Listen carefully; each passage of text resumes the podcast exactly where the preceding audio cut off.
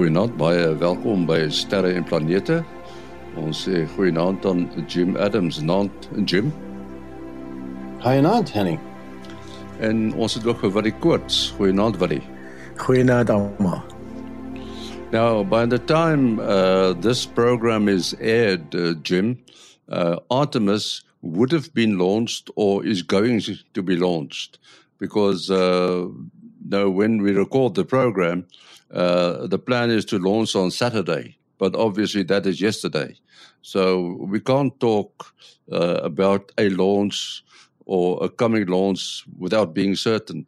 But could you just take us through the steps? You know, we know about the uh, VAB where the uh, assembly takes place and then the crawler. Could you take us through the steps?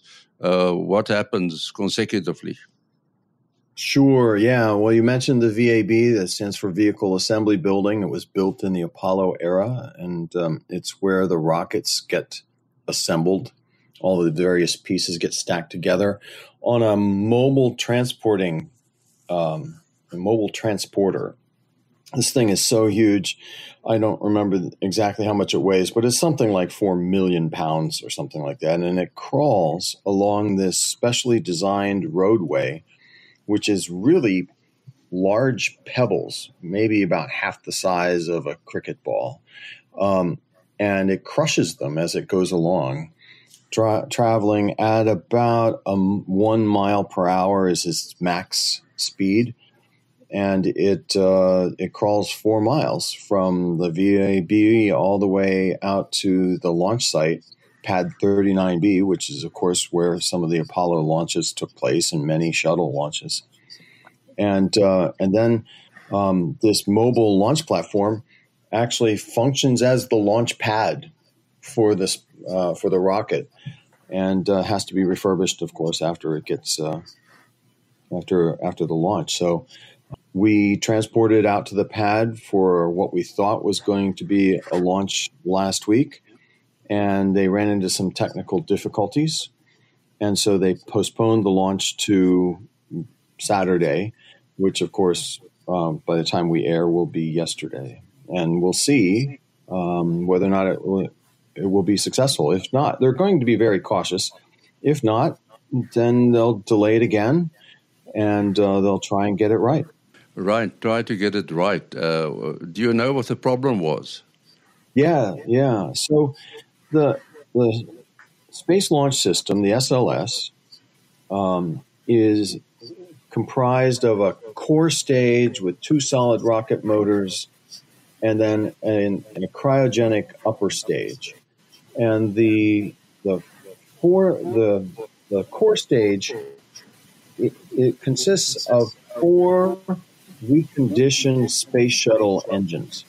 And so the these space shuttle engines they have to be pre-cooled before we actually uh, ignite them, before we actually start the launch.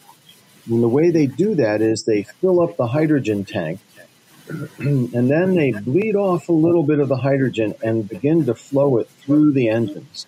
And they watch the temperature drop from ambient, which would probably on on that day probably was maybe 35 centigrade, and it has to drop all the way down to forgive me for mixing units, but 400 minus 400 degrees Fahrenheit. And um, so uh, a little bit of hydrogen flowing through the engines did that for the first rocket, the second rocket, but the our first engine and the second engine, but it did not cool the third engine fast enough. And we think that there there really wasn't anything particularly wrong. It's just that it's the first time they've done this. On the space shuttle, they had a closed system. So the hydrogen would flow out of the tank, they'd bleed a little off, they flow it through the engine, and then they put it back in the tank. In, in the case of, of the SLS, the hydrogen bleeds off the tank and into the engine, and then it just is um, exhausted overboard. Well, um, that system has a different temperature profile over time. than uh, than the space shuttle, and so they they weren't exactly sure what to expect, but they didn't have enough time to cool all four engines before they would uh, get to the end of the launch window. So they stopped. And they said, We're going to recycle, we're going to try for a, a new launch window. And they chose, obviously, Saturday, which, as we've said a couple of times, is yesterday. I've, i did a quick conversion here. So minus 400 Fahrenheit is minus 240 Celsius. Uh, it's just That's still pretty cold, still, huh? Still damn cold, just for all Yeah. practical purposes. Yes, there was another uh, a thing that I heard uh, on some of the commentary is a possible crack. Uh, they th- first thought it was in the tank, in a tank, but then later it turned out just to be in the insulation, and it was the air actually freezing on on on the cryogenic tank. Uh, um, do you know anything about that? Uh, I, I thought that wasn't serious. Finally, It's not. It, yeah, they determined that it wasn't serious. It, you know, you spray the this in- insulation on the external tank, and sometimes you get little cracks in it. And what that does is then allows the um, moisture in the atmosphere that contacts the tank to freeze up and create a little bit of ice. Of course, that's alarming because of the problems that we had uh, with the challenge, I mean, with the uh, yeah, with the Challenger launch and so um, so people stopped and we analyzed that and we figured out what that was and and ultimately determined that um, that there was no harm um, to the tank and no no real significant loss to the um, thermal insulation properties of the spray on insulation. I had a look uh, at the uh, the video stream. What was interesting uh, for me was that sort of vapor that came off from somewhere at the top of the uh, of the craft. What, what what is that vapor? So it's it's liquid oxygen and liquid hydrogen. Um, re- recall now there are there's there's actually four tanks on board this mission. There's a, a liquid hydrogen um, tank for the core stage, which is the big orange thing that you saw, and a liquid oxygen tank for the core stage, which is at the top of that big orange thing that you saw. And then there's a liquid hydrogen and liquid oxygen tank for the cryogenic upper stage as well. And um, and so every time you fill a tank like that, you get to you get to full, and then you start to uh, bleed off as that uh, cryogenic liquid starts to warm just a little bit. You you get gas, and that has to bleed off somewhere. And so what you saw was the excess gases um, as the very top of each of the tanks warmed up. You start to start to see that bleed off, and of course, the one for the cryogenic upper stage sits on top of the core stage, and so it would it would be what you saw up top, very close to the um, Orion capsule. What's interesting for me is that you say that they they they're using is it refurbished shuttle engines. Yeah, yeah. The sh- the space shuttle engines were designed to be refurbished, and uh, and they were used many times uh, over the life of the space shuttle program. Um, and now we have um, we have several in um, in stores. I- think it's like thirty six that we have, and so uh, we will use them four at a time uh, on the core stage of the SLS. The disappointing thing, which um, which you know Elon Musk is probably um, smiling about, is that the SLS program, the Space Launch System, was not designed to be reused. Just the same way the Apollo Saturn V rocket was not designed to be reused. So we have this core stage with the main big orange tank that you see in the pictures, and there's four RS 25 engines from the space shuttle at the bottom of it. It's going and it's connected to two five segment solid rocket motors. None of that is designed to be recovered. It's it will all fall into the ocean and become part of coral reefs or part of the environment at the bottom of the ocean as they are expended. And so the rocket will launch, they'll ignite the engines and the and the solid rocket boosters, and it'll push it off the off the launch pad within seconds, and and then two three minutes in, the solid rocket boosters will fall away and fall down to the ocean, and the um, the core stage will continue to push the rest of the stack into space. When I say stack, it's the makeup of these pieces that turn it into the Artemis mission. The space launch system is the rocket. But as you put these pieces together to make a mission, then you can actually go to a destination. In this case, it happens to be the moon. So at the top of the space uh, of the core stage, then is this cryogenic second stage that we talked about uh, that will create the burn that puts the the uh, service module, which is supplied by the European Space Agency, and the Orion capsule onto a lunar trajectory. So, um, core stage gets you away from the Earth. The cryogenic upper stage pushes the rest of the stack into a uh, translunar trajectory, they call it. What continues on to the moon is the service module, um, which also has a rocket motor in it, and um, and the Orion capsule, which ultimately will carry astronauts. Uh, but this time around, it's just carrying dummies. You were talking about the shuttle program, and it's actually interesting to see similarities between the shuttle, pro- shuttle program, as you say, the same sort of insulation, the external tank, the the the motors now as well. Um, just just for comparison, uh, I mean, we we talked about this last week. The the Saturn fives were, um, and I think they haven't been beaten yet as the most powerful rockets ever. And and we were sort of wondering. Oh, well, I, I think the SLS will will finally beat it if I if I'm not correct, if I'm not wrong. But also the actual uh, motors, because um, Saturn V had five of them on. It had five rocket motors, which were obviously different ones. How how does those motors compare? And then the and then the rockets finally, the SLS with the uh, with the with the Apollo uh, rockets.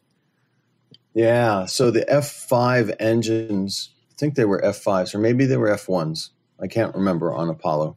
Obviously, at the time, they were the most powerful rocket engines ever built but they were surpassed by the RS 25 engines that you, were used on the space shuttle. Ah, okay. And so the space shuttle, had, recall, had two solid rocket boosters and three RS 25s. Um, the SLS has two extended solid rocket boosters and four RS 25s. Mm-hmm. Um, obviously, the mission is different for the space shuttle. It was designed to go into low Earth orbit, carry very heavy payloads into low Earth orbit, and um, the SLS is designed to push um, the Orion and the service module out into a, a, lunar orbit. So it's very different missions. How it compares to the uh, to the Saturn V? That's a good question. I, I think it probably does beat the Saturn V, but probably not by much. I, I do know that it's 8.4 million pounds of thrust at mm. launch for the SLS. Sure, sure, sure. And and and Elon's uh, Raptor engines and these Falcon Heavy and whatever. Uh, I mean that that's a different ball game again because it's a different destination again. Well, yeah.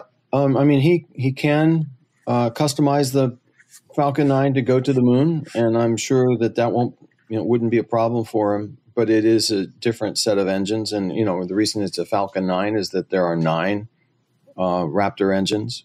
But I also know he's you know he's working on other things, which is fantastic. I, I think um, as we I, I've said this before, as we go to the moon and beyond, we're going to go together. You know, we're not we're not going to like try and compete NASA against SLS, or NASA against um, any other country.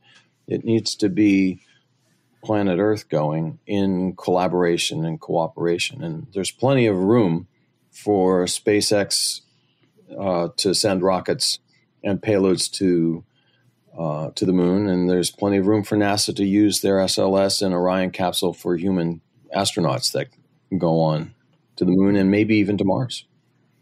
Just one question on, on, on the beginning. You said about these uh, c- cricket balls effectively being squashed. Uh, is there a reason for that? Is that just to cushion the, the ride? It's it's because they would crush everything else. you can't really build a roadway that would be that thick, and so it's actually I think it's it's two meters thick of these um, these large pebbles, um, and then underneath that there's a there's some sort of uh, like a sand foundation or something like that, um, wow. just just to be sure. And um, one of the people I met early on in uh, uh, in my travels to South Africa uh, is a collector of rocks. And so I managed, don't tell anybody, but I managed to scoop up one of the used pebbles and bring it to her in South Africa. And I believe it's now um, uh, functioning as a doorstop in Grahamstown. Uh, Jim, uh, a modest question. How do they ignite the engines? That's a really good question. It turns out that when you um, watch a space shuttle take off, you see all of these sparks. Uh, there's a spark generator, and you see all of that, and you begin to think, well, that's how they're lighting the engine. But in fact, it's not.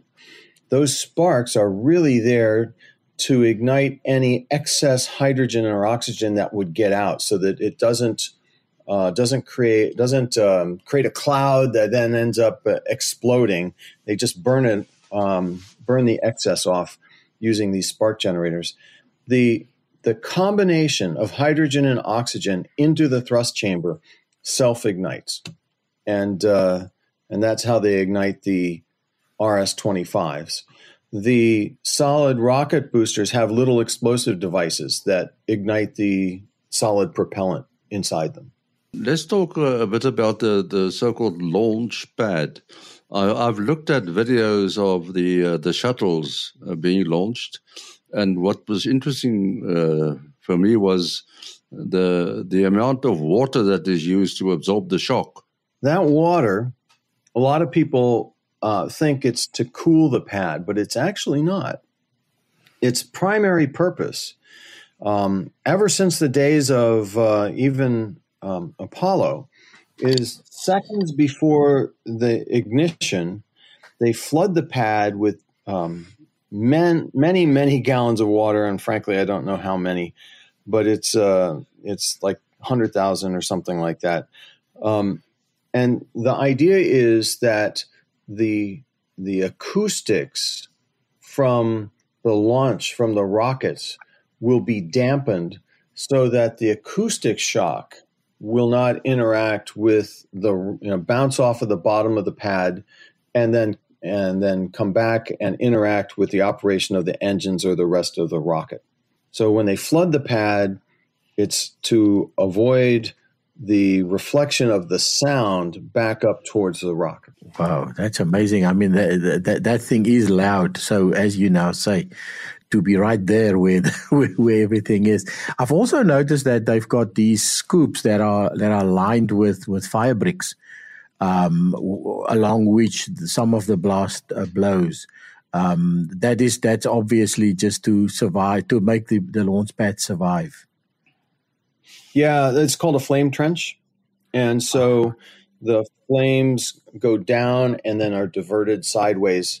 Um, as you say, so that uh, we don't tear the pad up too much. Also, on the, on, on the side, there's also these um, connector plates, which uh, which connect the umbilicals to between the ground system and the rocket. Um, there's uh, electrical connections, there's communications connections, and there's um, obviously, as we've talked about, there's the cryogenic liquid connections, and those all get pulled away at uh, at the launch as well. I remember from the um, the the Apollo program, I read uh, in the beginning they had a fair amount of trouble getting the shear pins to work correctly. So so you've got to hold this rocket upright while it's not being launched, but at launch you want it to to let go. Uh, um, right. If you let it, if you make it let go too early, then it may topple over. So there was a, a fine balance between how strong the shear pin. So the, so it looks like there are bits that are made to break at a specific uh, uh, uh amount of force. And and if if and of course if they're too tight then it may actually break uneven and also topple the rocket. So there's a there's amazing amount of of uh, technology just just keeping the rocket upright and then making it release at the right moment. Yeah and for uh, for the space shuttle it was uh, when i was working at nasa one of my bosses was General Charles Bolden, who had flown oh, on yes. the space shuttle many times. He was in, he was in South Africa um, a while ago, yes. Right. And it was his challenge to me that actually started me traveling to South Africa. But ah. I was in ah. his office one day and and there was this enormous bolt that was cut in half. and um, and it was the diameter of a coffee cup. You know, it was it was big. And so I asked him about it and he said that's one of the shear pins and, and the hold downs for the space shuttle. And of course, it had been sheared off by a bolt cutter right at launch. And as you say, really, if it if it doesn't work, then you got a real mess because now you've got rockets lit and uh, you're getting ready to ignite the solid rocket motors and um, and so yeah those those have to work and uh, and I guess as an astronaut he was allowed to keep one of them after he got back. I, I, just want to know uh, when the launch happens, how far are the nearest human beings from uh, that launch? I'm not talking uh, of human beings behind glass and things like that, but how far are they allowed to be? Oh, no, no closer than four miles. So, and most of the people will be, will be at about five or six miles away. And uh, uh, obviously, you've witnessed quite a lot of launches. How far yeah. uh, are you then from the launch pad? Uh, obviously, in a, in a building. You're closer to the launch if you go to one of the viewing sites. If you're in a building, it's set back just a little further because obviously they, they don't want the building to be damaged by the by the sound and the sonic booms and that sort of thing. So the buildings that I've been in have been set back a little bit the closest building I've been in for a launch um, w- was uh, the the NASA press site, which is a very historic site. You can find you can find pictures of it all over the internet. Um, but you know what you do is you you're sitting there in the press site doing your job, and then just you know when they get down to t minus ten seconds, everybody runs outside to watch it. so, uh, and, and the motors again, uh, I suppose they're made out of titanium, or is it something different? Oh yeah, some very special materials that uh, that the uh, motors are made out of, and, and titanium is certainly one of them because they want it to be light. It has to be strong. It has to withstand very high temperatures. Right. I think we have to close off there. Uh, Jim, people can find you on the Facebook page. So one last thing, Henny. You know, if the SLS has launched on the day before. Mm. Um, it is now on a 25 day journey to the moon and will have just at the time that you air will be one day into a four day trip to the moon. And then the next big thing is um, Artemis uh, for the Artemis mission is the Orion capsule and the European service module will be entering a lunar retrograde orbit, and it'll hang there for several days before uh, before it journeys back and completes the cycle. Mm. Mm. Ja, besonderhede? Ja, mense kan bel SMS WhatsApp en verkieslik WhatsApp 072 4579208. 072 4579208. Right, thank you Jim. Thank you uh buddy. Was a, a lot of interesting information. As jy uh, ja. met ons wil skakel en dit is nou deur die internet, ons e-posadres is sterreplanete@gmail.com. sterreplanete@gmail.com. Volgende week is ons terug. Tot dan, alles van die beste.